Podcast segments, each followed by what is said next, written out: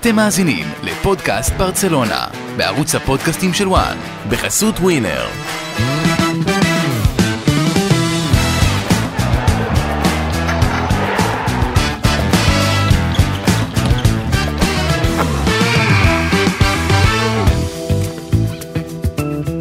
פודקאסט ברצלונה, פרק 43 כבר, אחרי אה, עוד ניצחון חוץ, עוד ניצחון 1-0 של ברצלונה, הפעם בסן ממס של בלבאו, ניצחון ששומר על הפער של ברצלונה מריאל מדריד בפסגה על 9 נקודות שבוע לפני הקלאסיקו הגדול. מצפה לנו היום פרק גדוש גדוש. אורן, סיימת לעשות שיעורי בית? עושה שיעורי בית שם? אני תמיד ממשיך תוך כדי, אני לומד ממך. יפה, אז אה, אורן קדוש כאן, גם ניסים חליבה. אהלן, אהלן. אה, מה אהלן נשמע? חברים, בסדר, בסדר גמור, הרבה, באמת הרבה מה לדבר, הרבה הרבה נושאים, ננסה המון. להיות אה, ממוקדים וחדים על כל אחד מהנושאים. אה, בדרך כלל אנחנו פותחים עם הכותרת של כל אחד מהמשחק, אבל לפני, אני חייב, שאלת השאלות, נתחיל מהסוף כי אי אפשר שלא, ניסים, האם הייתה עבירת יד של מוניאין? האם היה צריך לפסול את השער של ניאקי וויליאמס? זה לא נתחיל מהסוף, זה- זה נמשיך את הדיון שהיה לפני ההקלטה. אמ, אני רוצה להגיד שזה 50-50, כי כן הייתה נגיעת יד, אבל גם הרגל של דה יונג עולה גבוה, וזה הכל נראה קצת אה, בלרי כזה, לא, לא הכי מובן. אז אני, אני אומר שיש מקרים שבהם לא צריך להתערב, אני חושב שזה אחד מהם, אז אה, להערכתי זה פחות יד מאשר יד. זאת אומרת, אם השופט היה רואה את האירוע הזה בלייב ושורק ליד, ובאותו רגע עוצר את המהלך, היינו רואים את ההילוך החוזר, היינו אומרים, אוקיי, כנראה שזה בסדר, לא? כנראה שההחלטה לא- בסדר. היה ממשיך לשער בסיטואציה הזאת, אם זה הכל. בדיוק, בדיוק. נכון. אז אני רגע לוקח אותנו לשם. אם השופט רואה בחי את האירוע הזה, שורק, אנחנו אומרים, רגע, מה, מה הוא שרק? בוא נראה רגע הילוך חוזר. רואים את ההילוך החוזר, רואים את נגיעת היד, אנחנו אומרים, בואנה, איזו החלטה שערורייתית שלו, או שאומרים, וואלה. לא, כי זה על הדרך, כי זו עוד החלטה אחת לא משמעותית, אין לה משמעות אם זה נגיעת יד בא- באמצע המגרש. אבל אם זה יד באמצע המגרש שהמשיכה להתגלגל וזה התגלגל לשער של בלבאו, יש לזה משמעות אחוריות. זהו, זאת. נקודה קצת מעניינת, כי ניהלנו פה דיון שלם וראינו את הסרטון מכל זווית וזווית אורן לגבי האם היה יד ואיפה הרגל של פרנקי והאם היד הייתה פתוחה והאם הוא התכוון והאם זה בכתף בסרט הקפטן או אולי אה, דווקא בחלק התחתון של נכון. היד, אבל פה אנחנו נכנסים עם ניסים לאיזשהו דיון שהוא הוא דיון כללי של עבר, של האם בסוף החוק הוא חוק, אוקיי? השורה היא שורה. החוק אני צריך יש, להיות- מש, יש. משמעות, יש משמעות להאם אחרי זה הובקע בוא- שער, לא. הובקע אני שער, איך התפתח המהלך. בסוף האירוע הוא אירוע נקודתי שצריך להכריע לפי החוק. נכון, ואם הייתה נגיעת יד, אז צריך לשרוק ליד, אבל בוא עכשיו, אם נסתכל על זה שוב, באמת קשה לראות בכמה הילוכים חוזרים, קשה לראות בדיוק איפה נגע הכדור, אם היד הייתה פרוסה בכלל, או שהוא בדיוק צמצם אותה ואז הייתה צמודה לגוף. זה היה מאוד, אתה יודע, זה היה, היה ספק מאוד גדול. ובספק כזה, אתה יודע, אני גם הייתי, הייתי יכול להבין שופט אם היה מאשר את השער. כן, בספק כזה, זה לא עניין של השופט אפילו. בספק כזה, לפי החוק, אם אתם הייתם יושבים בחדר עבר, אוקיי? רואים את זה ולא בטוחים, כמו הם שאנחנו רצו- לא בטוחים רצו כרגע, אז הם לא- אז הם לא אמורים לקרוא לשופט. נכון, כי הם רצו- הקריאה אמורה נכון. להיות רק במצב ודאי. ודאי של טעות. בדיוק, הם רצו להפיל על השופט, אמרו לו בוא תראה. האמת שאני בעד. זאת אומרת, אני לא אוהב את זה שזה צריך להיות 100% טעות כדי לקרוא לו, כי לפעמים זה ממש מכריע גורלות, ובסוף השופט הוא השופט הראשי. אז בדיוק. אני דווקא אוהב את זה, שאם יש 85% של טעות באירוע שהוא אירוע גול, הוא אירוע קריטי, אז כן לקרוא לשופט, וכן, שהוא יסתכל, הם יגידו את דעתם, וכן יותר לתת לו את המרווח גם להכריע. היום יש איזושהי מגמה כזאת של אם השופט אה, נקרא, אז אה, כן, די בטוח שהוא ילך איתם. לא, נכון. זאת אומרת, אולי לקרוא לו קצת יותר, במקרים של לא 100%, אפילו 85% שיש קצת התלבטות אם זה כל כך מכריע, ולתת לו ל- לסגור את הסיור מוחות הזה, שאנחנו בעצ- בעצמנו לא מצליחים אגב פה להכריע לגביו. החוקה היום אה, גדולה מדי, היא לא, לא מפורשת, יש הרבה סימני שאלה סביב החוקה, ואם כבר בימינו אנו אנחנו מדברים על רפורמה משפטית, אז אה, אולי גם צריך רפורמה חוקתית כן, זה בטוח צריך. הכדורגל. זה בטוח צריך. זה בטוח. טוב, בואו אה, נדבר... ועוד הרבה נושאים גם. כן, כן. כן, כן, אבל לא, הנושא של השיפוט עם עבר הוא מצוין, נכון שיש גם אירועים כאלה, הנה, למשל גם- הגול הראשון, סתם אתן לך דוגמה, גם בצהוב שני צריך, אתה יודע, שיהיה... נכון. תהיה אפשרות לבר, כן? אבל אז יגידו, אז למה לא צהוב ראשון? אז אה, גם אז אם אפשר לתקן מהר, או אפילו בקרן, אם אפשר לתקן מהר ואפשר להגיד לו באוזנייה שזה, שזה פשוט, אתה יודע, שזה הכ- הכל קל, שזה כן. מהיר, אז אפשר, למה לא? למה לא? כי לא רצו לעכב. אבל אה, שוב, לא, גם- אם זה שקוף, אם זה ממש כאילו קל, לעזור לשופט. לבצע החלטות נכונות. כן, שוב, זה, זה, זה דיון, אפשר לעשות פודקאסט שלם רק על עבר ועל, ה, כן. ועל החוקים, כי יש גם את הנבדל, שאתמול זה עשה צדק, ו, ונגיע גם לשער הזה. אה, בוא נתרכז במשחק אה, של אתמול, אה, יאללה. קדוש, מה הכותרת שלך? שברסה תלויה בהגנה שלה, בחוליה האחורית שלה, יותר מאי פעם. אני באמת לא זוכר את ברסה כל כך, אה, ש- שאתה יודע, שתמיד אתה, מה שאתה אוהב בברסה, תמיד זה החלק הקדמי שלה, היצירתיות שלה, כיבוש השערים שלה. היא מ-25 את המשחקים האחרונים, 25 את המשחקים האחרונים שלה בליגה, 19 משחקים שהיא לא סופגת. זה, זה נת- זה נתון זה משהו לא- שהוא לא, הוא לא נורמלי. זה באמת לא נורמלי, היא עושה משהו אדיר העונה מהבחינה הזאת, וזה גם הרבה, לא רק בזכות משחק הגנה כזה הירואי, כמו באמת האופי של השחקנים. יש שם חוליה אחורית שבאמת קשה מאוד לתת להם גול, לא לקבל גול מבלבאו בחוץ, זה לא מובן מאליו למרות שהיא יכלה לקבל, אבל בסופו של דבר זה לא קרה, וזה מראה לך כמה אופי יש בקבוצה הזאת, כמה, יש, כמה איכות יש בקבוצה הזאת בחלק האחורי, וזה היה אתמול בלי אראוחו גם צריך להגיד. בדיוק, ועוד בלי אראוחו, אז תחשוב גם כמה עומק יש בקבוצה הזאת בחלק הזה, שזה באמת יפה לראות, זה משהו שאנחנו לא רגילים עם ברסה, אה, ציפינו מצ'אבי דווקא לדברים יותר יפים התקפית, גם ספציפית לגבי אתמול ונגיע לזה, אבל דווקא בחלק האחורי הם עושים את העבודה שלהם כמו שצריך, אם זה יספיק למשחק נגד ריאל מדריד בקלאסיקו, זה, זה, זאת שאלה אחרת. נגיע לזה, יש לי נקודה ושאלה לגבי מה שאתה אומר. נקודה לגבי החלק האחורי זה שאני אחבר את זה להחלטה של השופט לפסול את השער, אה, קצת הציל לדעתי את שווי, הפסילה הזו של השער, כי אני לא יודע מה היה כל כך דחוף לצ'אבי ממש בדקות האחרונות, להוציא את קונדה. להוציא, לא, להוציא את סרג'י רוברטו, ואז להזיז את קונדה, שהיה מצוין כן. להיות מגן ימני, ולהכניס את מרקוס אלונסו, מתכוון. בדיוק, ואז בדיוק. להכניס שם את מרקוס אלונסו, הגול הזה בסוף היה כי הייתה שם פחות מהירות, אני לא יודע אם קונדה הוא לא מהיר כמו אראוחו, אבל היה יכול להקשות יותר על איניאקי וויליאמס, ומרקוס אלונסו לא, ונראה לי שהיינו מדברים על זה הרבה, על החילוף הזה, הרבה יותר, אם בסופו של דבר השער היה מאושר. חד, חד משמעית. ואני רוצה לשאול אותך, אמרת ברצלונה תלויה בחוליה ההגנתית שלה יותר מאי פעם, זה מחמאה או עלבון? זה גם וגם. כי זו מחמאה, כי אתה אוהב לראות, אתה, אתה, אתה, בסופו של דבר אתה לוקח אליפות, אתה לוקח תארים דרך משחק הגנה, לפני הכל. אבל מצד שני, כשאתה רוצה לראות את ברסה, אתה רוצה לראות אותה קצת יותר התקפית, יותר טובה, מגיעה ליותר מצבים, ואתה יודע, דיברתי על המספרים שלה בחלק האחורי, שני איומים בלבד למסגרת אתמול. זה אומר הכל. אז היא מאוד יעילה, אבל זה לא הכדורגל שאתה רוצה לראות מברסה, אז יש פה קצת עלבון, ומצד שני, משחק הגנה הירואי. ניסים, זה לוקח אותנו לכותרת שלך. אה, כן, בצורה די מדהימה, היא מתיישבת היטב עם הכותרת של אה, אורן יקירי. אה, הכותרת של צ'אבי התאהב בפרגמטיות. ומה מה זה אומר? תשעה מ-15 הניצחונות האחרונים של ברצלונה בליגה הסתיימו ב-1-0. עכשיו, אה, אורן... צריך להגיד, זה הכי הרבה בהיסטוריה שלה נכון, בליגה, נכון. תשעה ניצחונות על 1-0.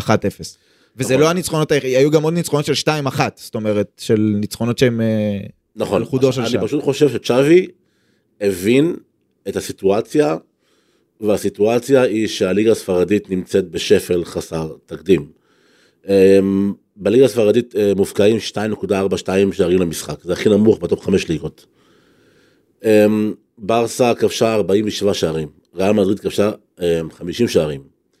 כל שאר הקבוצות, רובן כובשות בין 20 ל-30 שערים, אוקיי? משמע אנחנו מחזור 25, כל קבוצה כובשת בממוצע שער למשחק, שער וחצי למשחק.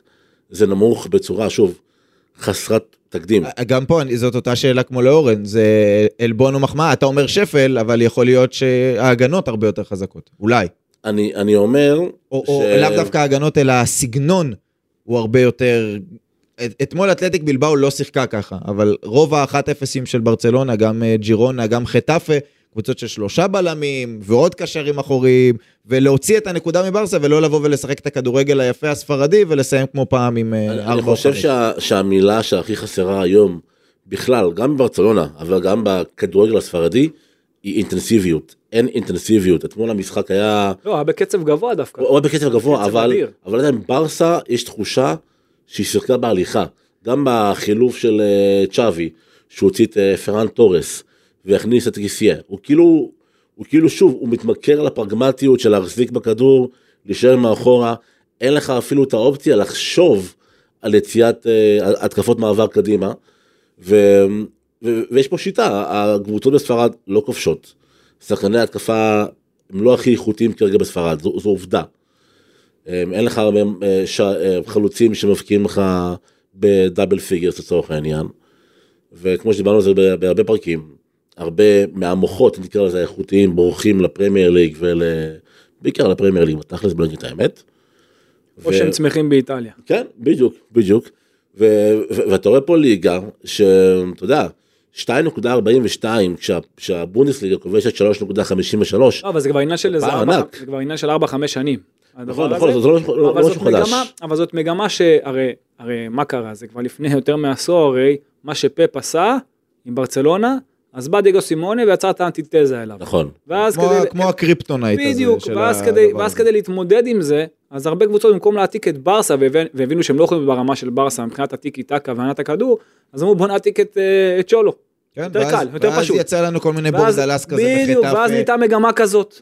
עכשיו שברסה היא מנסה לאזן עם חומר איכותי מאוד של שחקנים אבל במשחק יותר הגנתי עכשיו זה לא אומר שהם באים להתבנקר ב-4-4-2 ולחכות מאחור זה לא המצב נכון. אבל שהיא בנויה יותר על שחקני ההגנה שלה מאשר על שחקני ההתקפה שלה אז ככה זה נראה והמספרים גם ירדו בכלל זה כבר כמה שנים כאלה גם כשמסי עוד היה בברצלונה ואם אני אגע במשחק של אתמול אתה נגעת במשהו באמת אה, חשוב עוד לפני החילופים. אתה ראית את ברצלונה אתמול שהיא מנסה להניע בכל מחיר. עכשיו תהיה אתה בלבאו בבית אתה יודע שבאה ברצלונה היא מנסה להניע בכל מחיר. לא תלחץ אותה גבוה אחד לאחד אתה יודע שרק רק פס רק קצר אין עומק אין עומק במשחק של ברצלונה.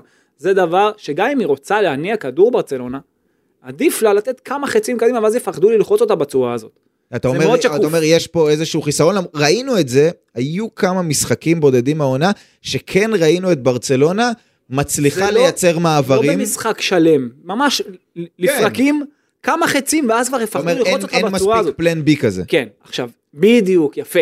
עכשיו, הדבר הנוסף הוא, שאתה צריך הרי בהנעת הכדור, בהתחלה, בבילדאפ, הרי יש לך את השש שזה בוסקץ בדרך כלל, ואתה צריך שיהיה לך אופציות מקדימה בקישור. מה קורה? דיונג בכלל בא לקבל את הכדורים יותר מבוסקץ, נכון. הוא הפך כאילו להיות השש. עוד נגיע אליו אם נספיק. עכשיו אין לך. אופציות מקדימה, אין לך אופציות לקדם את המשחק, ואין לך גם עומק. אני חושב שהוא כן... אבל אתה מזמין עוד יותר לחץ. כשהוא גם בא, כשהוא גם בא לאחור, אתה מזמין עוד יותר לחץ, ואתה לא יכול לצאת מזה. אתה מבין? זה משהו שמאוד תקע את המשחק של ברצלונה אתמול, בגלל זה הם לא יכולת לעבור את החצי. אתה יודע ש-78% מהזמן, המשחק היה או בשליש הראשון או בשליש, או בשליש, של ברצ... או בשליש המרכזי. נכון. רק 22% מהזמן זה היה בשליש של אה, בלבאו. אני רוצה אני- להוסיף אני- משהו, אני רוצה להוסיף משהו. אמ, הכותרת המקורית שלי הייתה, אחרי המנופים הגיעו ההובלות. מה זה אומר לא. ההובלות? אוקיי? ברסה נהייתה קבוצה של מובילי כדור, וזה נהיה בצורה מוגזמת. תראה אתמול מה היה. ברסה שלטה בכדור 63.2% מהזמן, אוקיי? קונדה 8.4% מהזמן בפוזיישן. בוסקץ 7.4, דה יונג 8.6, קריסטנסן 7.9, סרג'י רוברטו 5.9, בלדה 5.7. כל השישייה האחורית מנהלת את המשחק של ברצלונה ברוב הזמן. רוב הזמן, כמו שקדוש אמר פה, המשחק נמצא או בשליש ההגנתי, זה עוד יכול להיות או- טוב אם זה היה קדימה. בדיוק, או בשליש האחורי. המרכזי, אבל בחלק האחורי. לא מקדמים את המשחק. המרכזי. ואני כל המשחק הסתכלתי על דה יונג, למה? כי עשיתי סערת דה יונג אצלי בפייסבוק, אנחנו נגיע בו בהמשך בדה יונג, ודה יונג בדיפולט שלו, ב- בר- ברירת מחדל שלו, הוא קשר אחורי. הוא חושב אחורה, הוא תמיד יחשוב אחורה. גם אם צ'אבי יגיד לו, וראיתי שצ'אבי דיבר איתו במהלך המשחק, הוא אמר לו, תרוץ קדימה קצת, הוא חושב אחורה. שבוסקץ עובר את החצי. יכול להיות שהוא גם הרגיש קצת שהוא צריך את זה, כי הוא ראה את ברצלונה נתקעת שם, שזאת נקודה חשובה, אנחנו. נדבר על זה לפני הקלאסיקו. אז בוסקץ לא רלוונטי. אז בוסקץ לא רלוונטי בסיטואציה הזאת. אבל פרנקי לא יכול להחזיק את זה לבד שם. נכון, הוא לא יכול, זו אם הבעיה. הוא בא לקבל, תבין, כדי להשתחרר מהלחץ, אתה חייב אופציות מקדימה. אם גם הוא וגם בוסקץ באים לאחור, אין לך. למי לתת, יש לך רק את גבי. אופציה. אני כן חושב, אם פדרי משחק, אז בסדר.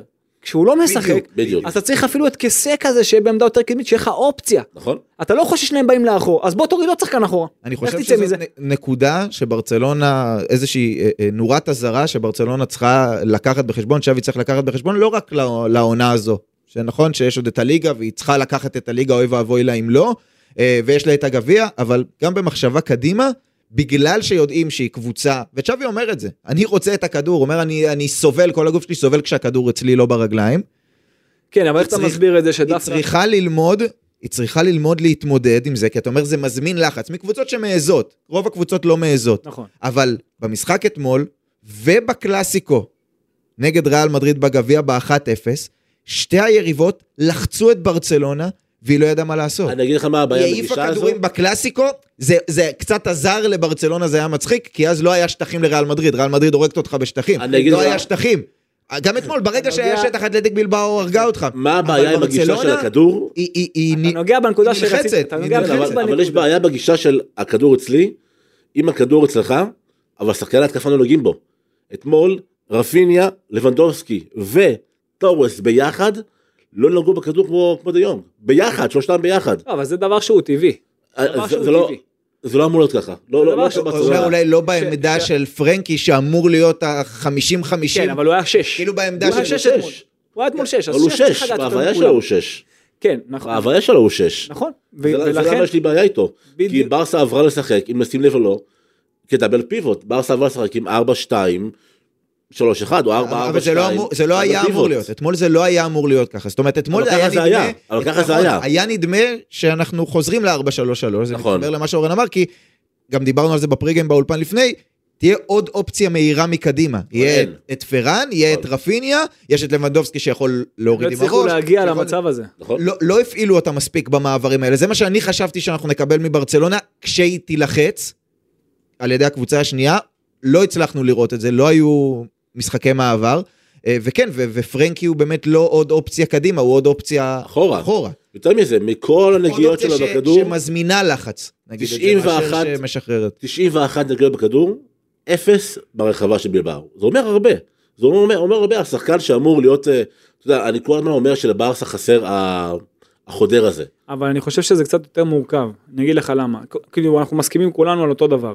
העניין הוא שזה יותר מורכב, כי אם הוא לא היה בא לאחור, בוסקץ לא היה מצליח להשתחרר מהלחץ, הוא היה חייב לעזור לנהל. עכשיו בגלל זה, זה רק אחד מהשניים הללו. אתה יכול לשחק עם 6-1, אחד בא לקבל, לא שניים שיבואו לקבל, זה מזמין לחץ בטח כשלוחצים אותך. אבל? יותר מזה, זה גם, זה גם שני קשרים אחוריים, אז- וזה גם מגן ימני שהוא קשר אחורי, שזה סרג'י רוברטו.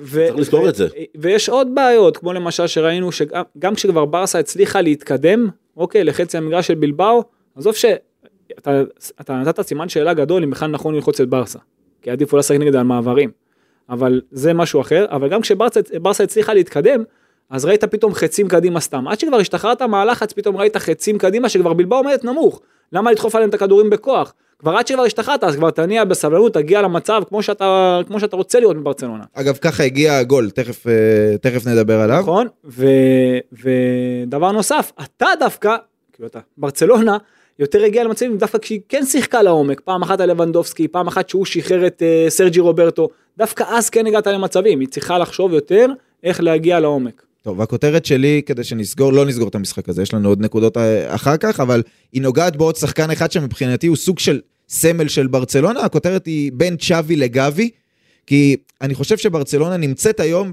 בתוך איזשהו תהליך כקבוצת כדורגל, איפשהו בין צ'אבי, הכדורגל שלו, הסגנון שהוא כל כך אוהב לשחק, הכדורגל שברצלונה שלו שיחקה בזמנו, לבין מה שגבי מביא לברצלונה. גבי, מבחינת העמדה, משחק סוג של בעמדה של צ'אבי, כלומר, יש את בוסקץ מאחוריו, יש את הפדרי או אינייסטה, אם נרצה, לידו, ואז יש את גבי שמשלים את השלישייה הזו, אבל הוא מביא דברים, שלא יישמע שאני משווה אותו לצ'אבי, תכף אני אחדד את זה, כן? אה, שהוא מביא למגרש והוא מייצג דברים אחרים מצ'אבי, לטוב ולרע. כמו שאמרתי, הוא בעיניי סוג של סמל של העונה הזו של ברצלונה, גם במה היא טובה, אבל גם במה היא צריכה להשתדרג. הרי ברצלונה היא לא רק הגנה, אבל בהרבה משחקים היא הרבה הקרבה, הרבה לחימה. אפילו צ'אבי התחיל לפרגן לזה במסיבות העיתונאים שלו אחרי משחקים, כשהוא חסיד של הכדורגל ההתקפי, וזה כאילו לא ברסה שהיא ברסה קלאסית, אבל לפעמים זה כן מה שהיא צריכה, כי יש איזשהו דיון בספרד, בכלל בכדורגל האירופי, אפילו את לבנדובסקי שאלו את זה, הוא אמר, אני לא יודע אם הטיקי טקה יכול להצליח היום. האם ברצלונה יכולה להצליח רק עם השחקנים הקטנים, הקצת פחות חזקים, שמתקתקים את הכדור, ולא חסר לה איזה שהם, עוצמות. וגבי, למרות שהוא בחור קטנצ'יק, הוא כן מביא את, ה... הוא כן מביא את העוצמות, היו לו אתמול למשל הכי הרבה תיקולים מוצלחים בברצלונה, לא כולל הגליץ' עם הראש. כן. לא, לא היה דבר, אני לא ראיתי דבר כזה בחיים. גליץ' עם הראש גם לתוך הרגליים של דני גרסיה. דני גרסיה זה הקצב של אתלטיק בלבאו, והשופט שרק שם, אם אני לא טועה, לנגיעת יד. כי הוא לא האמין שיכול להיות שגבי הולך אל הכדור הזה עם הראש, ובאופן כללי זה לא, זה לא יוצא דופן. הוא מקום שלישי בברצלונה בחילוצים מוצלחים. הוא לא תורם רק בהגנה ומלחמה, הוא גם שני בסחיטת עבירות בברצלונה, אתמול הוא סחט הכי הרבה עבירות במגרש, אז כן יש איזשהו פן התקפי, יש לו סיבוב יפה על המקום, ולכן הוא כן מייצג בעיניי את ברצלונה, לפעמים של האחת אפסים האלה, שלה בכוח, בשיניים, כשלא הולך, אבל זה גם מייצג את השיפור שהוא וברצלונה צריכים לעשות, בעיקר בפן ההתקפי, אין כבר MSN מקדימה. חייבים את המספרים האלה מהקו השני, הוא לא השש, הוא ה-50-50, הוא אמור להצטרף יותר בלי הכדור, הוא אמור לתת את הפס, אנחנו כמעט לא רואים את זה, את הפס המכריע לשליש, ה... לשליש האחרון. אז שוב, אז הוא צעיר, אז הוא בן 18, אז יש לו זמן, מה שנקרא, להתקדם. להתגבש. וכן ראינו אותו, ב, ב, למשל בקלאסיקו בסופר קופה, כן פתאום ראינו ניצוצות התקפיים. וגם בלמסיה כשהוא גדל, הוא כן שחקן שהיה מביא מספרים, אבל הוא צריך לעשות את הפעולות הטובות שלו התקפיות, והוא עצמו צריך להיות גם יותר קרוב לרחבה, כי ברצלונה לדעתי צריכה, בכדורגל המודרני היותר חזק, היותר פיזי, היא כן צריכה שחקנים כמו גבי, אבל גבי עצמו, הוא צריך להיות קצת יותר צ'אבי. כן, אבל שני דברים. קודם כל, אחד הוא מושך יותר אש, כי גם אין עוד אופציה לידו, מה שדיברתי קודם, בגלל שעוד קשר יורד לאחור. דבר שני, אתה דיברת עליו בנושא ההגנתי, וזה קצת חורה לי, לא בקטע רע, כי זה הפוך, זה, זה אדיר בעיניי, אבל הוא פשוט קשר שלם. הוא קשר התקפי, סלש 50-50, הוא יכול להיות גם 50-50, מספיק התקפי? גם 10, הוא יכול לשחק גם 10, נכון, הוא פשוט שחקן אבל הוא לא... הוא לא... אדיר, תקשיב, הוא שחקן התחושה אדיר. היא שבסיטואציה הנוכחית של ברצלונה, היא צריכה, שהק... דיברנו על זה עם פדרי, או בתחילת עונה, אמרנו פדרי מצוין עד עכשיו, צריך לתת מספרים. בעוצמות- הוא התחיל לתת שערים, התחיל לתת שערים. הוא יותר גבי, מפדרי. בעוצמות. ברור, ברור שהוא יותר מפדרי בעוצמה. בחוכמה שלו לא- בקידום אני לא המשחק, מסכים, אגב. בעוצמות מה? הוא לא- הוא לא יותר מפדרי? אולי, אולי באינטנסיביות, אבל... באינטנסיביות, לא, בעוצמות, אבל ב- בהכל, בחילוצי כדור, בהכל. לא, אני מדבר... מבחינה הגנתית. אה, הגנתית כן, הגנתית כן, ברמה של- ברמה של ניהול משחק, הפער ביניהם אדיר בעיניי. בין אה, פדרי לגבי. גם מבחינת חוכמת המשחק, גם מבחינת קידום המשחק, העצירה שלו בחצי תפנית, כל מה שהוא חושב לעומק. אין שחקנים כאלה, איך שהוא מוצא תמיד את המשבצת הנכונה בין קו הקישור לבין קו ההגנה של היריבה, באמת שאין שחקנים כאלה. הוא משהו נדיר בעיניי, זה שהוא עכשיו יותר מתפקד עם פעולות הגנתיות, הגנתיות זה גם מה שנדרש ממנו גם, אתה יודע, מבחינה הקבוצתית, מבחינת המאמן שלו. אבל באמת, שמה שהוא עושה למגרש זה לא אך ורק הגנתי, זה הרבה מאוד גם התקפי, הוא יודע לקדם את המשחק, הוא בעיניי הדבר הבא של ברצלונה, יותר מכל אחד אחר. יותר מכל אחד אחר. אני- אחד ניסים. ואני יותר בטים פדרי. אני שאני לא יודע אם צריך להיות. טים לא. זה וטים זה, כן? זאת אומרת, זה יכול להצליח אחד ליד השני. אני- אני- זה- זה מה אני- שבנבחרת ספרד ו... אני אקצין ואומר, אני אקצין ואומר, אם ברסה רוצה להגיע רחוק בעונה הבאה בליגת האלופות לצורך העניין, היא לא יכולה לבנות על- גבי. ככה אני רואה את זה. אני חושב שקישור של נגיד דה יונג, גבי, פדרי, זה לא מספיק. או דה יונג, גבי, בוסקץ, זה לא מספיק. לא לרמות הגבוהות של, של הצ'מפיונס ליג. אני חושב שגבי, אמרתי את זה לא פעם ולא פעמיים, וקיבלתי על זה גם לא מעט hate, אין לי בעיה עם זה. אמ, גבי הוא בוסר, הוא בן 18, הוא אמנם שחקן שיש לו בסט איכויות שלו את הפוטנציאל להיות שחקן שלם, אבל כרגע הוא מרגיש לי יותר כמו hurricane מאשר אה, השח- השחקן השלם הזה שאני יכול לתת לו את הכדור והוא הוא ינהל את המשחק, אני לא רואה את זה אצלו, אני אגיד את זה בצורה הכי, הכי גנה שיש, ואני אני באמת חושב שאם ברסה רוצה לעשות את ה upgrade שלה ברמה, ה- נקרא לזה דומיננטיות התקפית, דומיננטיות התקפית ברמה של ביירן מינכן לצורך העניין, היא, היא, צריכה שחקן אחר ליד פדרי, אני חושב שפדרי שחקן שלם הרבה יותר מגבי בכמה, בכמה רמות למען האמת, ו- ו- ואפשר לראות כמה, כמה ברסה לא אז יודעת. אנחנו נסכים לה- שלא נסכים. כי- לא, אבל- כי- כי מבחינתי זה גבי ועוד עשרה. וואלה. לא, אבל בוא אבל לא נשאל את זה. אחרת, כי ניסים, הוא עושה נכון שהוא מסתכל קדימה, אז אני שואל אותך. לא, אני מסתכל הכי קדימה. זה העניין. לא, אז אני. אומר, נניח ש- שיש שם בוסקץ, תכף נחליט אם יהיה בוסקץ או שיהיה מישהו אחר, אה, יהיה ברוזוביץ', בסדר? מישהו. שאתה אוהב, אוקיי? כן. ברוזוביץ', גבי ופדרי, זאת שלישייה מספיק טובה? חד משמעית. חד משמעית, זה כמו שהיה לך בזמנו את בוסקץ, אינייסטה, צ'אבי. מבחינתי אותו היי נוח. הבעיה של ברסה מבחינתי היא משהו אחר, זה משהו אחר בכלל.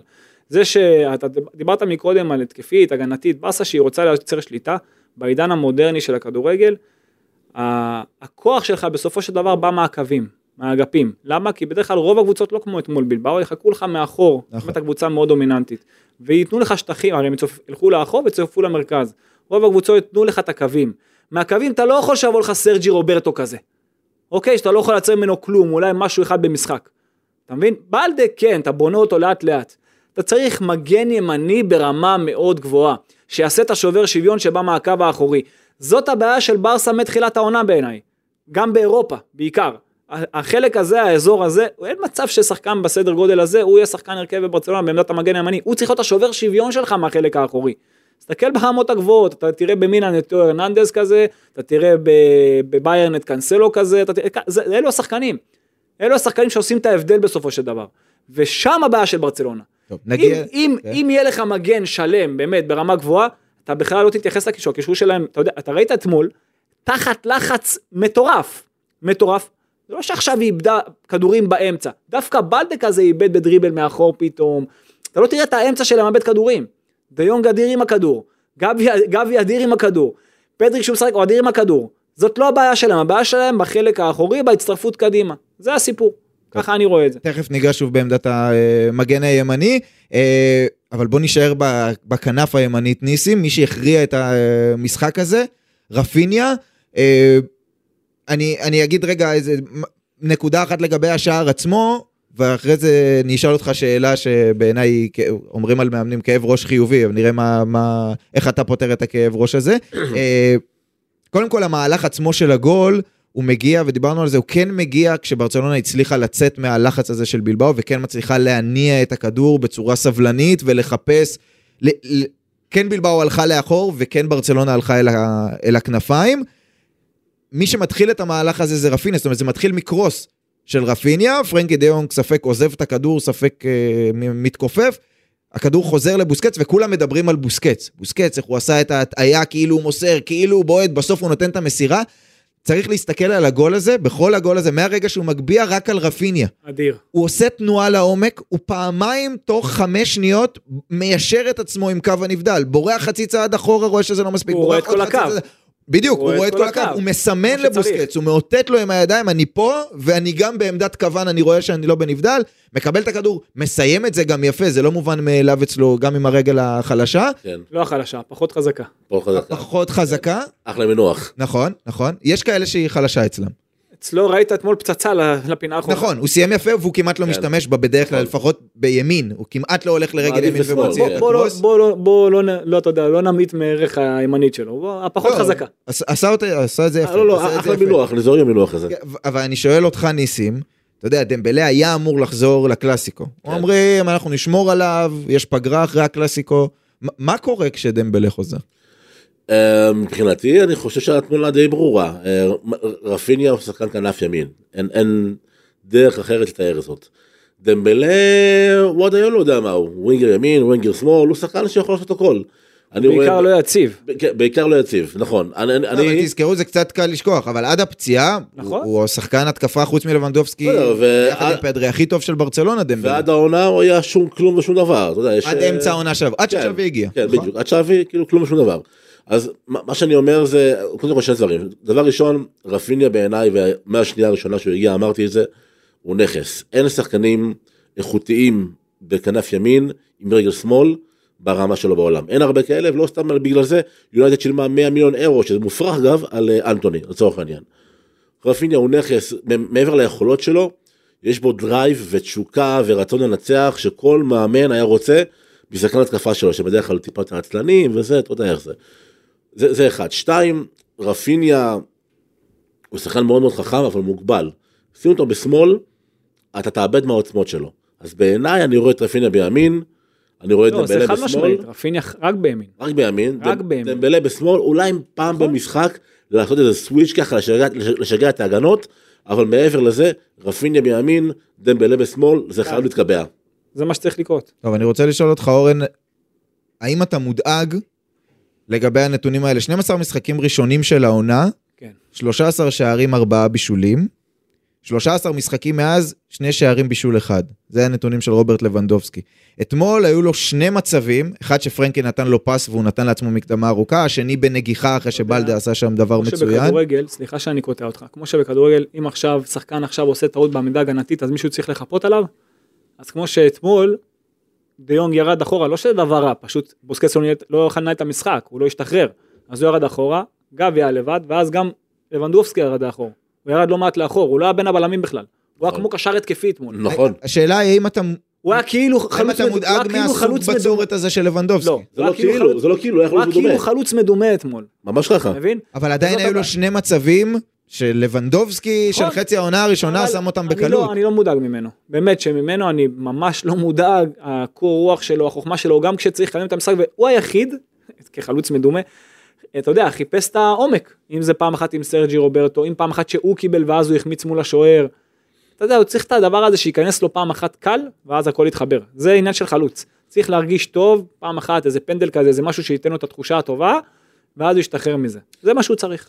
אני חוזר גם לעניין הפרגמטיות זה שצ'אבי התאהב בקונספט של ארבעה קשרים, או ארבעה שחקנים שמוליכים כדור. זה אני פחות אוהב גם. אני, אני, לא- אני לא אוהב את זה, אבל אתמול לבנדובסקי הוקרב למען זה. כי צ'אבי פתח ב-4-3-3, שיחק עם רפיניה ועם תורס גבוהים, אז כמו שאורן אמר, הוא חייב את לבנדובסקי להיות אה, קשר אה, התקפי.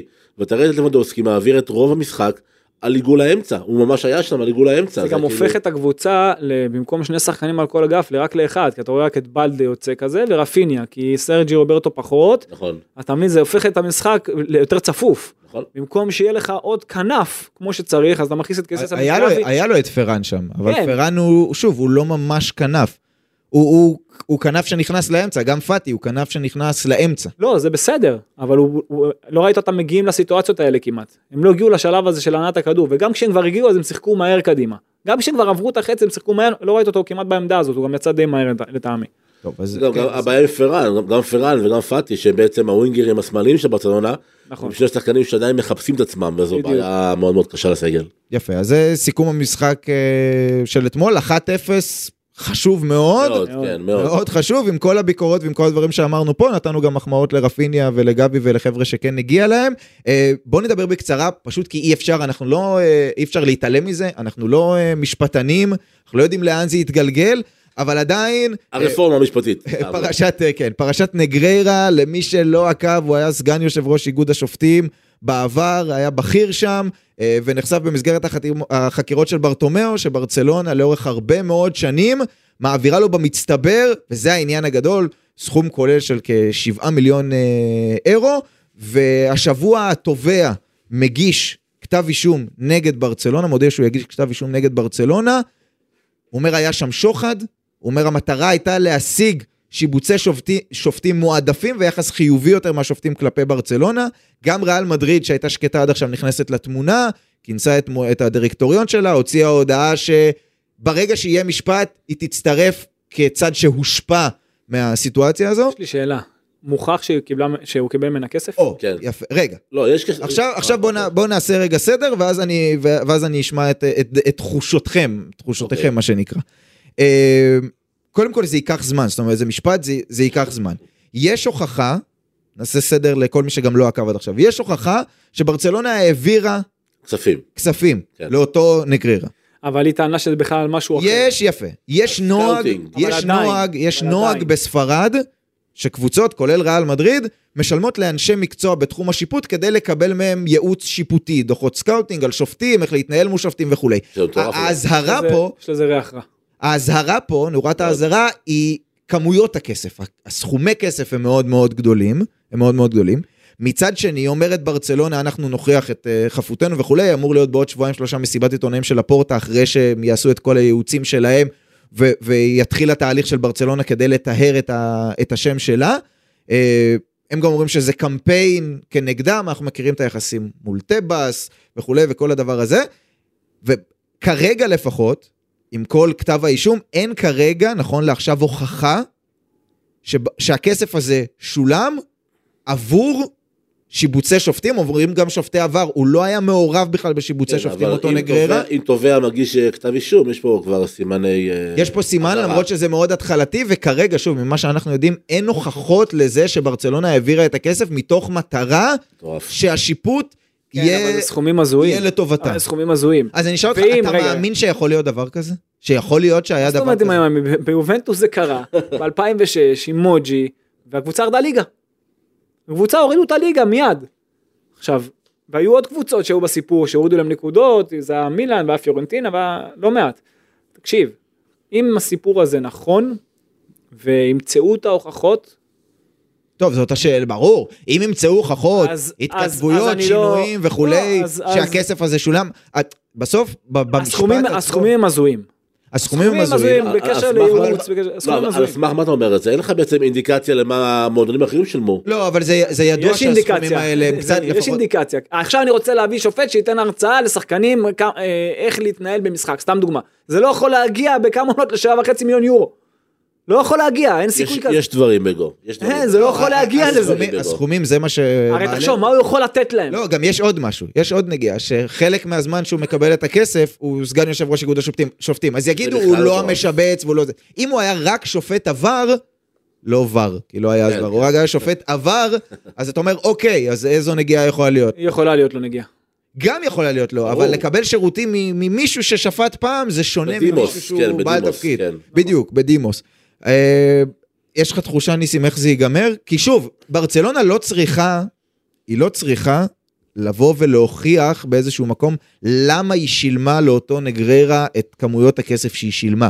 התובע צריך להוכיח שהיא שילמה לו את כמויות הכסף האלה, ושיש הוכחות לזה שהוא קיבל את הכסף, ועשה עם זה פעולות אקטיביות כדי לשבץ שופטים לטובתה, אמר לשופטים תקבלו החלטות יותר לטובת ברצלונה, כי אם אין את החלק הזה, איך זה צף? אני חייב ל... איך זה צף? כי חוקרים את ברטומיאו, האהוב על אה, אוהדי ברצלונה, ובמסגרת החקירות, שזה מה שגורם לי, אני עצוב שאני אומר את זה, כן? אבל זה מה שגורם לי להאמין ש, שזה אולי לא מופרך, כי חלק, מה, חלק, כחלק מאותן חקירות על ברטומיאו, מה גילו נניח? שהוא שילם ל, לרשתות חברתיות ולאנשים ו, כן. ושילם על בוטים כדי ללכלך על מסי ועל פיקה ועל מאמנים בברצלונה, כשהוא הנשיא של ברצלונה. אז אתה אומר, אם האיש הזה הוא כזה טרלללה והוא לא רואה בעיניים, מדהים. אז, מדהים. אז אולי הוא גם עשה דברים כאלה, אבל במסגרת החקירות הכספיות לגביו, פתאום גילו את ההעברות האלה לאותה חברה של נגררה, ואז אמרו, הופ הופ, מה זה הדבר הזה? בואו נחקור לעומק, וככה התגלגלנו לכאן. שוב, הסיפור הזה עוד יהיו לו התפתחויות, אה, וזה זה גם. ייקח זמן. מדהים. ברדומאו אשכרה היה- סוכן כאוס. הוא סוס טרויאני. סוכן כאוס בתוך המועדון. הוא עשה דברים טובים, פה ושם, אבל, אבל. אבל הוא סוס. טרויאני. אה, בעידן שלו הגיע אראוחו בקצת כסף. וואו, אוקיי. אבל אה, לא, האי- האיש לא, לא. באמת סוס טרויאני, ושוב, אנחנו לא משפטנים, וגם התהליך המשפטי רק מתחיל, אז אנחנו באמת לא יודעים איך זה ייגמר, אבל אין ספק שיהיה מעניין אה, לעקוב אחרי זה. והאירוע אתמול של הנגיעת יד הגיע בטיימינג הכי גרוע מבחינת ברצלונה. לא, ידברו על זה עכשיו לאורך כל הזמן, ברור, אבל א' זה מרגיש שהליגה הספרדית נמצאת בטרללת מוחלטת, מוחלטת כבר כמה שנים. גם טבעס, גם הסופר ליג שעושה לא מעט רעש. אני גם חושב שהשופטים שלהם צריכים ייעוץ. באופן כללי. השופטים השופטים בספרד? זה משהו. ממש, ממש, משהו מיוחד. למרות שאיפה הם טובים, עשינו פה את הניהול הזה, את הדיון כן. הזה לפני, דיברנו על קזמירו, ודיברנו על ליגה האירופית, אה, יונייטד כן. בטיס. יש, אה, יש, יש. יש אישו עם השיפוט. זה מצחיק, אבל באיטליה באיטליה הם קצת יותר טובים. תראה, אני, אולי אני, משלמים להם יותר טוב? כן, בדיוק. אני אענה לשאלה ששאלת בליינאפ, ניסים, איך לדעתך זה ייגמר. אני מאמין שזה ייגמר ב... זה ידעך לאט לאט, כי מבחינת יח"צ, הליגה הספרדית לא יכולה לאפשר לעצמה דבר. הליגה כן, אבל אם, אם משפט ברמה האזרחית יוכיח שהיו דברים, פיפא וופא כן משהו אחר, יכולות כן, להתערב. זה, זה משהו אחר. שוב, יכול להיות שזה ייקח שנים, יכול להיות שזה ייגמר רק בקנס, יכול להיות הרבה דברים, כן? אבל אנחנו באמת לא יודעים לאן זה הולך, כי, כי אנחנו לא יודעים מה הבשר. זאת אומרת, יש לנו את הסיפור הכללי, אין איזושהי הצדקה חותכת מצד ברצלונה למה הכספים האלה עברו, אלא אם לפורטה יביא את, ה, את ההסברים כן. במסיבת העיתונאים שהוא יעשה. ושוב, זה לא, הנטל הוא לא על ברצלונה להוכיח למה היא שילמה יותר כמו שצריך להוכיח שהיה שוחד, אבל מה שכן, אם- בעייתי. אם זה נכון, אז כל התארים נשללים, לא? כל התארים לא בליגה יודע, הספרדית. הלכת, הלכת רחוק. הלכתי רחוק, אה? הלכת רחוק. ואז קריסטיאנו הוא הכי גדול בכל הזמנים. כן, לא, אבל בסדר. לא? לא, מה? לא לא, משנה. לא. הם לקחו למסי את כל התארים? אה, תארים זה ערובה לגדול ביותר? מה פתאום? זה גם מה שאני חושב. טוב, בסדר. הערובה לגדול ביותר בינינו זה איך שאני כצופה מרגיש כשאני רואה- רואה את האדם הזה. ככה אני מסתכל על זה. אבל זה קצת אה, סובייקטיבי מה שאתה אומר. נכון, הכל סובייקטיבי בעולם הזה. לא, לא הכל. סובייקטיבי, הכל סובייקטיבי. הכל סובייקטיבי. מלך השערים בליגה הספרדית, זה לא, לא סובייקטיבי, לא, זה זה- אובייקטיבי. הטוב. ביותר, אתה יכול להסתכל על שוער הטוב ביותר, אתה יכול להסתכל על חלוץ. נכון? טוב ביותר זה בעיני. המתבונן. אה, בוא נלך אה, למשהו שאנחנו תמיד אוהבים. והכל תקופתי. אי אפשר להשוות בין תקופות. אמת, אי אפשר. צודק. הרי האימונים לא היו אותו, מרדונה, האימונים לא היו אותו דבר, כן. האימונים לא היו אותו דבר, המגרשים לא היו אותו דבר, המאמנים לא היו אותו דבר, השחקנים שאיתו לא אותו דבר, רמות הלחץ, הסיקור. כמות המשחקים, כמות המשחקים לא אותו דבר, כלום לא אותו דבר. הלכנו לכיוון אחר. לא, הכדור עצמו לא אותו דבר. נכון. נכון, הנעליים, הכל הכל, הבגדים שמנדפים זהה. ג'ל בשיער. אבל, השאלה אם ככל שהתקדמנו זה נהיה יותר קשה להיות כדורגל- הכדורגלן הטוב בעולם? אה, תשמע, מצד אחד אין לך את השכונה, ואז את המגע של הקוסמות הזאת שהיית רואה פעם מפלה, מרדונה, בג'ו, לא, זיקו קשה יותר כי אתה יודע, אבל מצד אתלטים שני, יותר, מהירים אבל- אבל יותר, מצד חזקים שני, יותר. מצד שני בונים אותך נכון כל כך שהפציעות הן הרבה פחות מאשר מה שהיה פעם, פעם כל אחד היה קורע רצועה. אז אולי זה כן מתאזן, אז אולי כן אפשר לא, לא, להשוות בין ו- תקופות. אבל אתה יכול לשחק הרבה יותר משחקים, אתה יכול לעשות הרבה יותר מספרים, זה לא אותו דבר. פעם שחקן לא עושה 25 משחקים בעונה, לא משנה איך, איך שלא תהפוך את זה. תכלס. היום עושים 60-70 משחקים בעונה.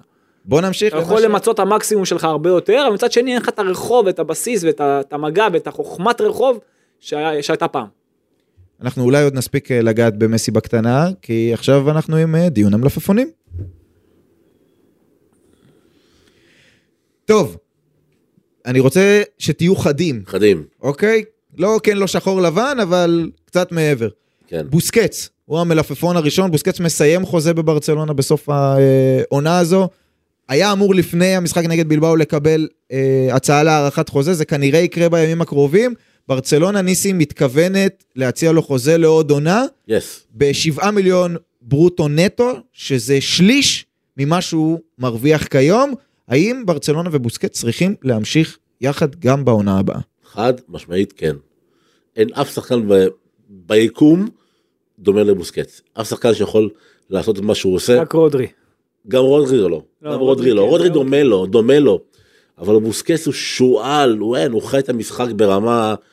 אני, אני, אני, כמו שאני רואה אותו, אני, אני, אני מתענג על כל נגיעה. טוב, אני רואה לאן התשובה. הולכת, אז אני אשאל אותך פולו-אפ, באיזה כן. רול אבל? עד כמה הרול שלו, נניח שהוא נשאר, אוקיי, והוא הסכים לקצץ וויתר על הכסף בארצות הברית ובסעודיה, כן. ב- באיזה רול? כמה הוא צריך להיות שחקן הרכב? קבוע לא, כמו שחקן- עכשיו? קבוע. לא, לא, שחקן כן? רוטציה בעיניי. לא, לא, לא. אני, אני רואה אורן, אותו... אתה אומר להשאיר אבל רוטציה? כן. אם, אם, אם להשאיר, אני יכול לתווך אם ביניכם? להשאיר, כן, אתה יכול, התיווך ביניכם, לדעתי, אם להשאיר, זה הדבר הכי נכון, נו. המילה היא פשוט חפיפה.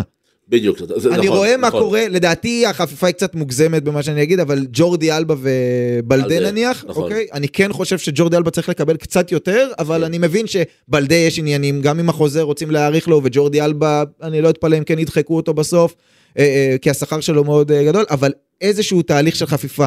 גם אם עכשיו יבוא מישהו שהוא. ממש טוב, אין פה, בדיוק. אין פה, כן, מה לא- שאתה אומר זה מה שאני אני, אומר. אני מסכים איתכם. חפיפה, להביא מישהו במקומו, לעתיד, נגיד טובימנדי כזה, ולהתחיל לעשות את ה... אני גם לא. חושב שחייב לבוא מישהו במקומו, אני יודע שאתה רצית שדיונג ילך, אני חושב שהוא יכול להפוך את דיונג לקשר שש הרבה יותר טוב. עכשיו ברור שאם יבוא ברוזוביץ' כזה, סתם אני אומר, כן. או רודרי כזה, סתם אני, עזוב שזה לא ריאלי. פנטזיה, כן. נכון. אבל אז ברור שעדיף אחד כזה על אה, דיונג בעמדה הזאת. אבל כרגע, גם בסיטואציה הנוכחית, הוא יכול לעשות את החפיפה, לגרום לו יותר לשמור על האמצע, יותר לנווט את המשחק, פחות, דווקא בעמדה הזאת פחות לצאת קדימה. כי בוא, אני חושב שכמו שניסי אמר קודם, מבחינתי בוסקט זה ה-underrated הכי גדול אי פעם, הוא אולי השש, אני לא אגיד הכי גדול אי פעם, אבל מהגדולים בהיסטוריה של המשחק, אמר לי פעם שאי לא אפשר הוא- להשוות בין תקופות, אז... נכון, בדיוק, ו... אבל אי- באמת שמה שהוא עושה, בלעדיו, כל הצ'אבי איניאסטה שדיברו, ואפילו מסי ואחרים, בלעדיו כל זה לא היה קורה, כל האתרים לא היו קורים. הוא מה שהוא עשה לטובת, לטובתה של אבל ברצלונה, עזוב מה היה, מה עכשיו? ועכשיו הוא יכול להיות שחקן ברוטציה ולעזור, וכמו שאמרת, לעשות את החפיפה ולגרום לדיונג להיות שחקן יותר טוב, ועדיין יש קישור מספיק טוב בברצלונה, וגם תוסיף את קסיה, שגם הוא, מי שמכיר אותו וראה אותו במילאן, יכול לשחק גם כשש וגם כשמונה, יופי של קשר, ויש שם קשרים מספיק טובים. ברור שאם יביאו מישהו מעל הרמה וישדרג, תענוג, אבל זאת לא הבעיה הראשונה בברצלונה. יפה, וזה מוביל אותנו ללפורטה שהתראיין במהלך השבוע, וכבר התחיל לדבר לקראת הקיץ, עדיין לא ברור מה ברסה תוכל לעשות, פייר פליי, טבעס, גם המנופים שהם רוצים למכור, הליגה לא כל כך תרשה להם וכולי, אז לא ברור כמה כסף יהיה, אבל אומר לפורטה, העדיפות שלנו לקראת הקיץ היא מגן ימני, בלם, שהכוונה היא אה, בלם רגל שמאל, אה, וחלוץ. בואו נתחיל ממגן ימני, ניסים קנסלו, זה השם שעולה עכשיו. עם איזושהי כוכבית שאומרים שמצד אחד בברסה חושבים על זה בחיוב, כי סיטי כנראה תשאיל אותו שוב כמו שהיא עושה עכשיו לביירן, אבל עם איזושהי כוכבית של רגע, גם בסיטי וגם עכשיו אפילו בביירן, פתאום פרצופים, פתאום כשהוא לא משחק, פתאום כל מיני סימני שאלה, האם זה הפתרון? having said that, צריך להגיד עוד משפט אחד, שכל המועמדים שהיו עד עכשיו, ודיברנו על זה פה אינסוף פעמים, נכון. היו מגנים ימניים שהם חצי בלמים. קונדה שמשחק עכשיו, פויט, אספיליקווטה, וכולי וכולי, וקנסלו הוא לא כזה. הוא לא חצי בלם, הוא חצי קשר, זה. ה- המתודה של אה, גוורדיולה, של מגן ימני שעושה בעצם את העבודה של הקשר, ואז הוא יוכל גם לעזור נגיד לדה יונג שמחליף את בוסקץ, אם הוא קשר לידו, אם קנסלו בא כמגן ימין, לצורך העניין. אה, אם ברסה הולכת על, על מגן ימני, היא חייבת ללכת בכל הכוח, בכל הכוח על, על קנסלו, אה, מכמה סיבות, א', השוק לא רווי בשחקנים איכותיים בימין, ואם הוא רווי, אם יש שמות כמו טרנט או ריס ג'יימס, לצורך העניין, הם מאוד מאוד יקרים. נכון. גם קנסלו היה אמור להיות מאוד יקר, אבל שוב, מה שלא מסתדר משהו נשבר עם שם, משהו נשבר שם. האמת היא שמשהו בגביע העולם נשבר בקנסלו, משהו שם התפרק לו במנטליות והוא לא מוצא את עצמו בגרמניה עדיין, אבל בסדר, הוא רק הגיע, הגיע. רק הגיע, אבל ביירן לא תשלם 70 מיליון אירו עליו, זה לא יקרה. זה, זה לא סכומים שביירן משלמת בדרך כלל. ואם ברצלונה יכולה לעשות איזו עסקה מעניינת עם אה, סיטי, שיש שם קשרים טובים בין המועדונים, אני חושב שקנסלו הוא must must must לקיץ הקרוב. אורן, בוא נעבור אה, הלאה. נ- אתה מסכים נראה לי על קנסלו, התכתבנו על זה לפני. אני מסכים, אבל אני חושב שיש עוד אופציה. או, או, אופציות יש. לא, עוד אופציה שיכולה להיות טובה, ואחד מהם צריך ללכת לריאל ואחד לברצלונה. פרסנדה מוועדוליד, Mm. המגן הימני, מגן פנטסטי בן 18, סעיף שחרור 30 מיליון יורו, יכול להיות גם יותר זול מקנסלו בצורה מסוימת. אבל קנסלו יכול להיות שבגלל שבסיטי לא רוצים אותו, נכון. יכול להגיע בהשאלה או איזה משהו נכון, כזה, אבל שוב, גם ופרסנדה 30 למשהו, מיליון. גם אה, למשהו עתידי, כן, אז תמכור אחד כמו ארי גרסיה כזה, תמכור לאנגלה כזה, תגיע לסכום הזה, הכל בסדר, תגיע לזה, השכר שלו גם לא צריך להיות גבוה, אז או זה, או זה, אחד מהשניים הללו צריכים להגיע כן, לברצלונה. הבעיה עם פרסנדה שהוא מחוזר מאוד על ידי קבוצות מהפרמייר נכון. ליג שיוכלו שלו אבל, הרבה אה, יותר מאשר אבל יותר כיף. להישאר בבית, ב- זה בספרד, משהו אחר, כן, לשחק בברצלונה, ואתה יודע, ולא זה- כן, בדיוק. כן, כן. יפה. אה, ב- ב- ברשימת הקניות של הפורטה הזכירו, וגם מדובר על זה הרבה בתקשורת, אה, בלם, בדגש על בלם עם רגל שמאל, הזכירו כל הזמן את איניגו מרטינס, שאתמול ראינו אותו נגד אה, ברצלונה במדי בלבאו. אפרופו סיטי הזכירו את לפורט, שהיה דיווח שרוצה לעזוב ורוצה ללכת לברצלונה ו- ונלהב וכולי. ה- השאלה שלי, ניסים, צריך? אה, קודם כל צריך בלם, בלם רגל שמאל, כל קבוצה מן הסתם. אני חושב שגם אם יגיע בלם רגל שמאל זה גם בעצם אומר שג'ורדי אלבה בחוץ, בלדה מגן שמאל פותח ומרקוס אלונסו יהיה בעצם המחליף של, אה, של בלדה. אני לא יודע אם זה בראש סדר העדיפויות של ברצלונה, כי אני חושב שדווקא... אני לא יודע אם זה בראש, אבל זה נשמע שזה לגמרי באג'נדה. זאת אומרת, יוצא הנשיא אני וגם גם קשר. אמר. אני ציפיתי לראות- לראות קשר באג'נדה, אבל אין קשר באג'נדה. אה, וגם יש לא מעט קשרים, צריך להגיד את האמת, אבל אני חושב שברסה צריכה את ה- את ה penetrator הזה, את החודר הזה, את הברנרדו סילבה, שאני מנהל קמפיין ברנרדו סילבה כבר אה, כמעט שנה. אתה צריך לנהל אבל קמפיין לגיוס תרומות כדי שהם יביאו את ברנרדו סילבה. לא, וזה מוביל יותר זה שאלה. לא אז הרבה כסף, זה לא הרבה כסף היום. לא, לברצלונה? שישי- לא, לא, לברצלונה זה המון כסף. 60 מיליון אירו היום. ברצלונה ברנרדו לא אמרת סילבה. כלום. לא, ברצלונה לא מסוגל, אז זה מוביל אותי- למקום אחר. בלם רגל שמאל כזה, או באמת עוד קשר כמו, לא ברנרדו סילבה, אבל כמו גונדואן שמזכירים אותו, שיכול לבוא בחינם, שזה עוד מישהו שהוא יותר יצירתי לקישור.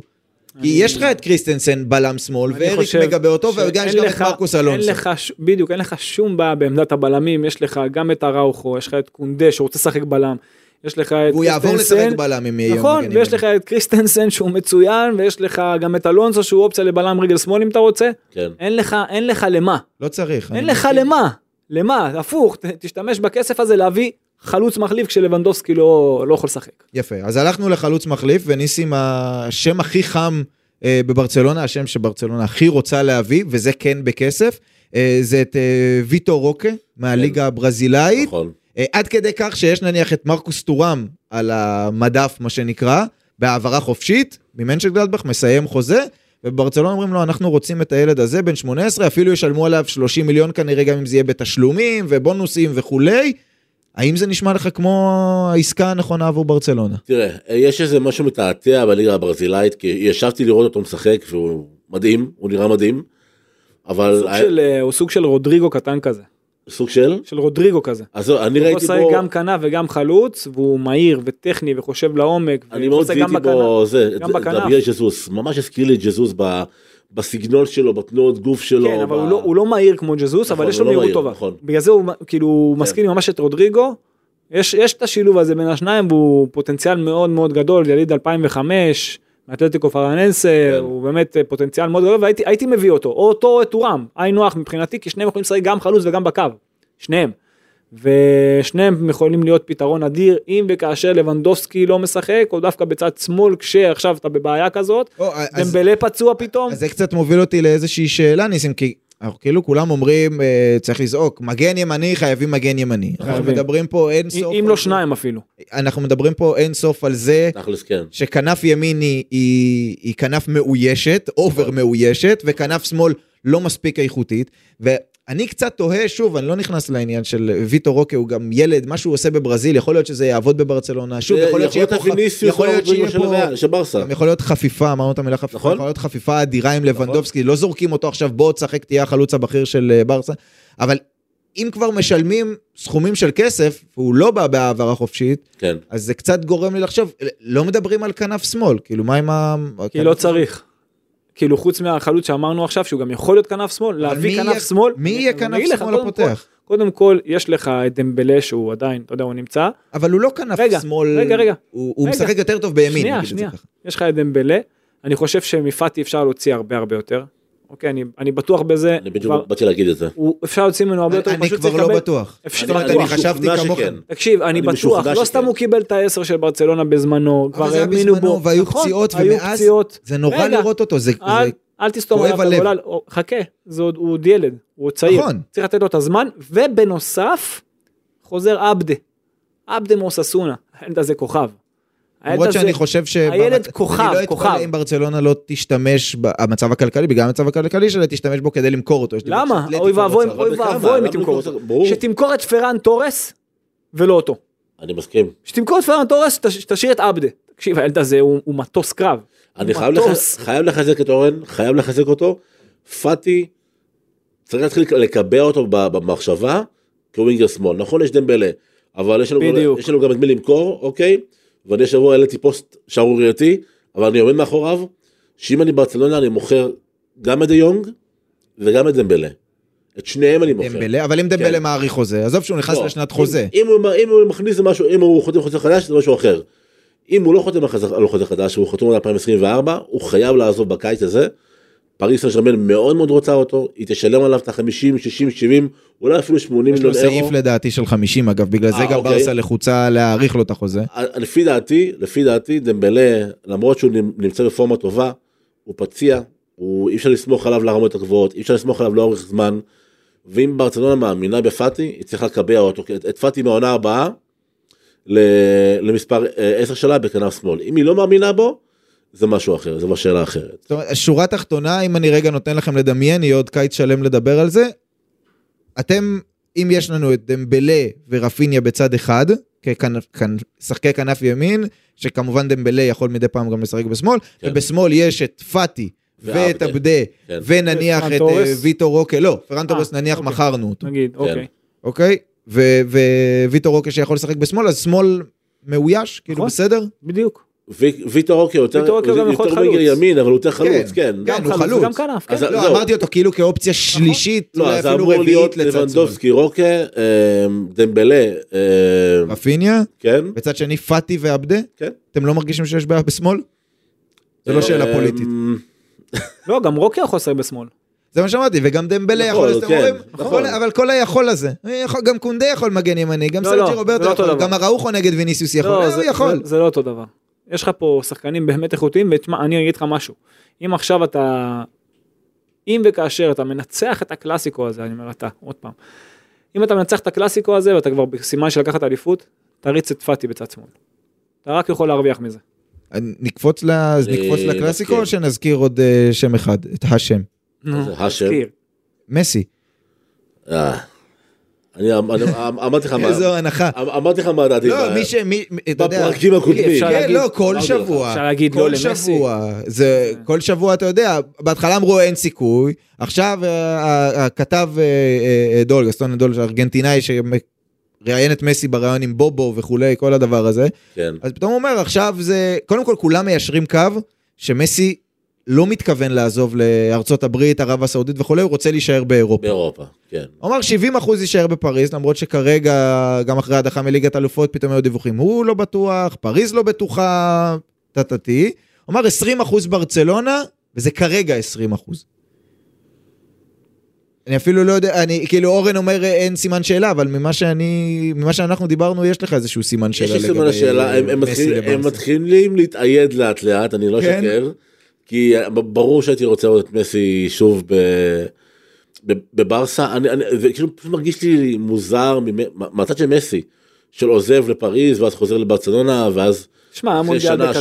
הוא היה לשחק אצל הקטרים קצת, ועכשיו הוא חוזר הביתה לסיים את הקריירה כמו שצריך, למה לא?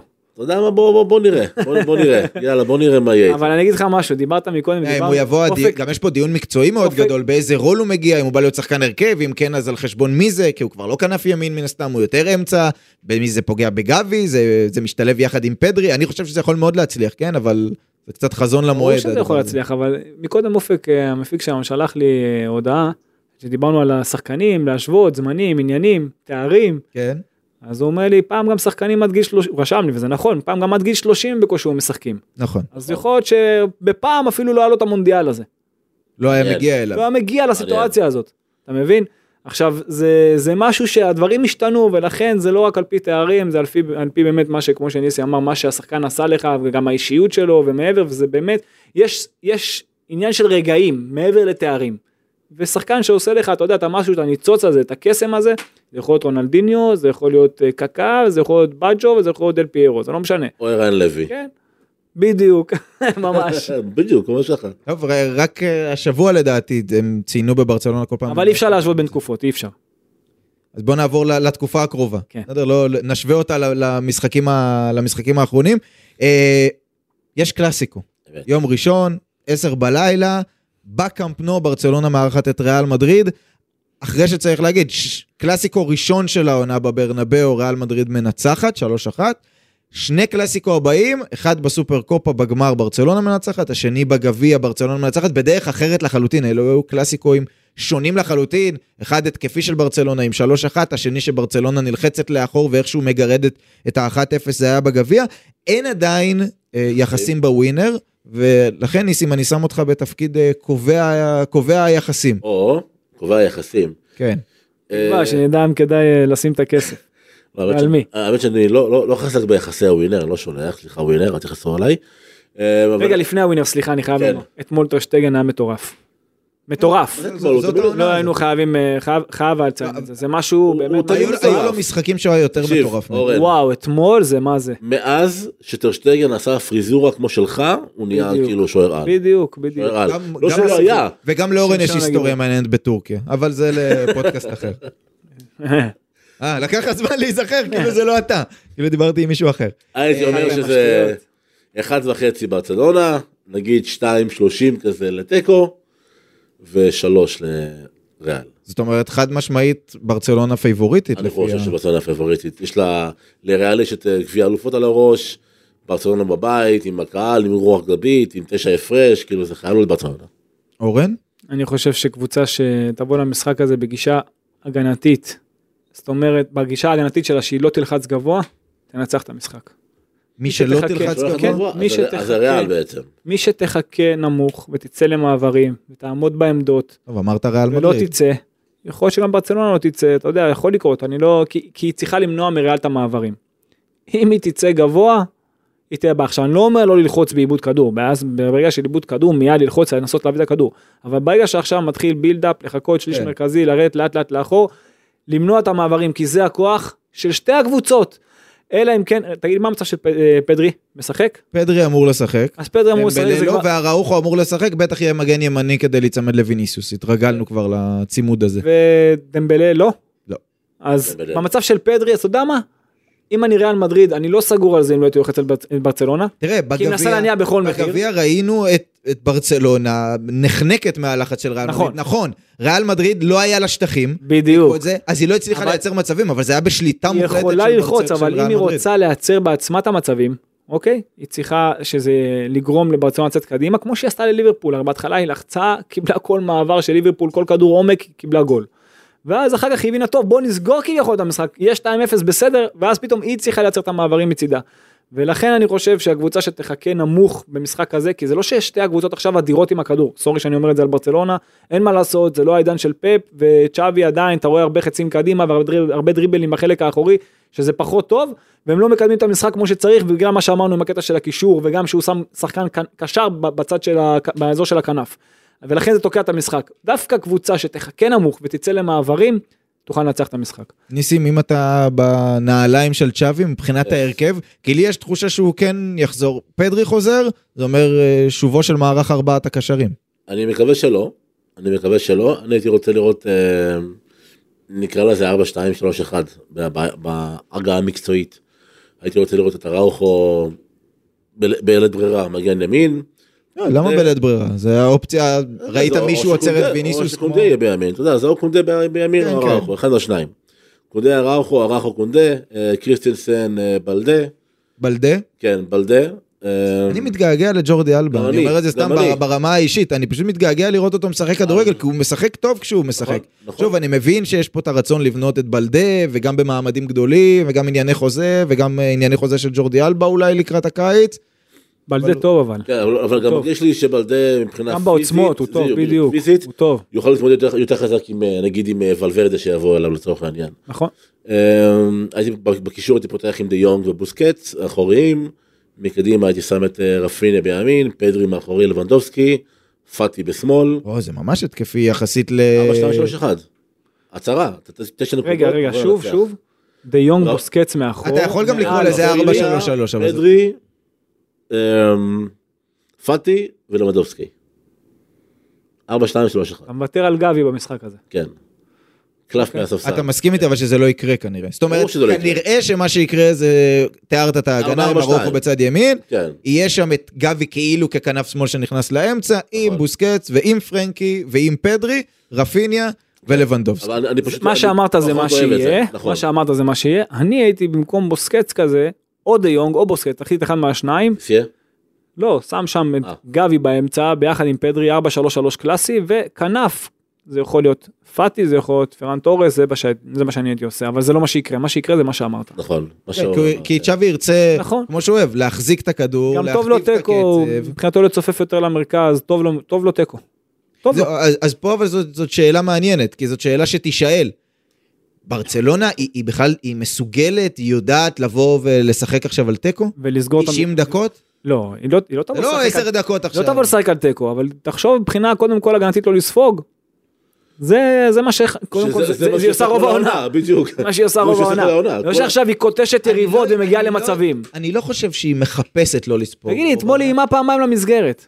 פעמיים כל המשחק. אבל אני לא חושב שזה מה שהיא רוצה לעשות. אני משוכנע שזה מה שהיא רוצה. מה זה לא רוצה? היא לא... רגע, יכול להיות שאתה צודק שהיא לא רוצה, אני חושב, דיברנו על כנף שמאל. אני חושב שהיא בהרבה מקרים לא מצליחה לעשות משהו אחר. בטקטיקת המשחק של צ'אבי, שהוא מושך שחקנים לאחור, דיברנו כבר על הקישור כבר לא פעם ולא פעמיים, אז קשה לו להגיע למצבים, קשה לו לקדם את המשחק, ושהוא מנסה להניע בכוח מרגל לרגל. בטח שהוא לא מייצר עומק. אתה מבין? אני לא בטוח שיש לו כרגע, כרגע. שחקנים לעומק? שנייה. כשהיה לו את כולם כשירים, כלומר גם את פדרי וגם את uh, דמבלה, ואז הוא גם היה יכול להזיז את דמבלה או רפיניה לשמאל, הכל היה יותר מאוזן, היה לו גם מי שיכול לשחק בכנף שמאל, היה לו מישהו שהוא עומק כמו פדרי, וכשזה לא היה, אז, אז כן, זה יותר מוגבל, כי די יונג הוא קצת יותר אחורה, וגבי, החמאתי לו בהתחלה, אבל באמת התרומה ההתקפית שלו בשליש האחרון היא לא מאוד משמעותית, ופתאום גם אין לך דמבלה, אז, אז נוצר מצב שהוא, שהוא אני לא יודע, אמרת בכותרת שלך שהוא התאהב בפרגמטיות, נכון. אני חושב שהוא... הוא נאלץ להתאהב בזה אבל אתה מבין שזה ביצה ותרנגולת? כי, כי צ'אבי הוא הכי היה רוצה את הכדורגל מרגל לרגל המהיר, ברור שהכדורגל, שהכדור אצלו, כן? אבל לכבוש מלא שערים ולהיות אטרקטיבי, הוא זה שהניף את הדגל כל העונה של לא חשוב רק לנצח, אני חושב שהוא לא, חשוב לנצח לא יפה. הוא לא פרגמטי כמו אנצ'לוטי, הוא לא גמיש דווקא במשחק שלו. הוא לא כאילו, אנצ'לוטי נגיד יכול אה, לחשוב תוך כדי משחק טוב בוא נשחק עכשיו יותר ארוך. שהוא קולט שיש על לחץ גבוה. וזה צ'אבי לא עושה. נכון. אתה מבין? זה דווקא הפוך, הוא כאילו תקוע על משהו. הוא תקוע על משחק מסוים, הוא תקוע על הנעת כדור בכוח, בחלק האחורי שלו. זה שבדקה 68 הוא מוציא שחקן התקפי ומכניס הגנתי, זה מסר. זה מסר לקבוצה, זה מסר, לא, אבל יש פה גם היגיון, זאת אומרת, לא, הוא יודע שבלבאו והקלאסיקו, הוא יודע שבלבאו והקלאסיקו, אם הוא עושה ארבע נקודות מנצח את בלבאו, תיקו בקלאסיקו, האליפות אבל אה, מצד שני-. זו הפרגמטיות. רגע, אבל מצד שני, זו כן, השמרנות של שווי. אבל מצד שני הוא לא, הוא לא, הוא לא, הוא עושה טעות בחילוף שהוא מוציא את קונדה מעמדת הבלם, שם אותו מגן. נכון, נכון. אז אתה מבין? אז יש פה, יש פה לא מעט דברים שהוא צריך לפתור אצלו. אם הוא יעשה את הדברים הכי, בצורה הכי נכונה שיש, וידע לקדם את המשחק נכון וגם מייצר יותר עומק במשחק שלו, וזה יכול להיות גם בעזרת היריבה. דווקא אם היא תלחץ אותו, אבל הוא צריך לדעת לייצר את העומק, לא כמו אתמול. צריך לדחוף את הכדורים זוכר- קדימה בכוח אפילו. מעבר לקו ההגנה, לא על הגוף שלהם. מעבר לקו ההגנה, ואז הוא יוכל להשתחרר מהלחץ כמו שצריך ולהגיע ליותר מצבים. אם אני זוכר נכון, בעונה שעברה היה 4-0, נכון בקלאסיקו? וזה, וזה, חייב, וזה יכול להיות גם אפילו... וזה היה- בעצם משחק החזרה של של צ'אבי, כאילו, נכון. הנה ברסה חזרה, ומאז היא קצת כזה... כמה. עומק היה שם? לא, נכון. כמה עומק היה שם על- אובמיאנג? כמה? בגלל זה הוא חייב לדעת לייצר את זה גם. אבל גם היה שם חלוץ כמו אובמיאנג שהוא יותר חלוץ עומק מלבנדובסקי. נכון. גם לבנדובסקי יכול לקבל לעומק, הוא יכול. יכול. זה לא שהוא- וגם זה- פרן יכול, אבל ברור גם- שאובמיאנג יותר. שחקן מול לעומק. מיליטאו, מול אני אה, מסכים רודיגר, איתך, שזה אובמיאנג קשה. שחקן שהוא יותר לעומק מאשר לבנדובסקי, אבל עדיין צריך לדעת לפתח את זה, וגם שוב, זה לא צריך לקרות- כל המשחק. כן. צריך מדי פעם, ואז יבלבל את אתה יודע, את הלחץ של היריבה. ואז זה יגרום להם לפחד ללחוץ, ואז יהיה לך יותר קל גם להניע את הכדור. טוב, נסכם את זה. אתה רוצה להגיד עוד משהו, ניסים? אה, רק להשלים, שאם במשחק הקודם זה היה משחק החזרה של ברסה ל- לקדמת הבמה, הקלאסיקו הקרוב צריך להיות משחק ההכרזה, חזרנו. וזה לא יכול להיגמר בלהעביר את הכדור מאחורה ו-1-0 או תיקו 0 והוצאנו 4 נקודות מבלבאו ומדריד, אני לא רואה את זה ככה. ברסה צריכה לבוא ולהתקיף את, בר- את אה, ריאל מדריד עם הכדורגל של, של ברצלונה, עם קביעת עמיד, אה, עמדה מאוד מאוד מאוד ברורה, אנחנו ברסה, זה המשחק שלנו ובואו ניתן בראש. משחק ההכתרה. ההכתרה, כן. אם, אם וכאשר. אה, אגב, גם אם ייגמר עם תיקו, זה כנראה סוג של משחק הכתרה, כן? אם זה ישמור על התשע. הפרש. יש פה תלות התקפית במשחק ההגנה, אני חוזר על זה. משחק כן. ההגנה, מי שלא תלחץ, תייצר יותר מעברים, זה יכול לבוא לטובתה. זה, כן, זה נכון. הימור תוצאה, ניסים? הייתי הולך על אה, 2-1 ברצלונה. 2-2, הרבה גולים. כן. אה, ברצלונה תקבל שני גולים? תיתן גם שני גולים, זה גם הרבה. כן. נכון. אתה מבטיח אה, משחק מהנה ל- אבל ל- אני- לצופים, אז מבחינתי. אני לוקח את זה. כן. יפה, אז זה יהיה המשחק הבא של ברצלונה, לא של ריאל מדריד, יש לה עוד את ליברפול לסמן עליה. וי בדרך, היא צריכה לעשות את זה, שמח. ואז היא תגיע אל הקלאסיקו, ו- וכאילו לא העלינו את האופציה הזו, אבל אני אעלה אותה כי אני מעלה אותה לפעמים בסוף פרקים. אמנם תשע הפרש, כן? אבל ריאל מדריד מגיעה לקאמפ נו, נותנת הופעה, מנצחת זה רק שש הפרש, האליפות פתוחה. חד משמעית. בהחלט. וגם לא מן העליונה שזה מה שיקרה. כאילו זה, אני, אני לא כזה אופטימי למשחק הזה, מבחינתה של ברסה. משפט שאוהדי ברסה לא נכון. אוהבים לשמוע, לא, נכון. לא אוהבים לשמוע, אבל אף פעם אל תפס- אל תספיד את ריאל מדריד, ככה. אומרים, זה נכון? נכון. זה- זה יהיה זאת תהיה ההזדמנות האחרונה שלה. כן. כן. זו ההזדמנות האחרונה שלה, וההזדמנות גם של ברצלונה לסיים את הסיפור. לסיים את הסיפור. לתת לפאטי יותר דקות. נגד ליברפול, יהיה משחק שמח. בדיוק, אז אה, פודקאסט ריאל מדריד יהיה ביום חמישי, כדי לסכם את המשחק נגד ליברפול, קצת אספנול וכמובן להתכונן לקלאסיקו, ופודקאסט ברצלונה, מיד אחרי הקלאסיקו ביום שני, אחרי אולי משחק ההכתרה, אולי משחק החזרה של ריאל מדריד. תודה אורן, תודה ניסים, טוב. הבא. נשתמע.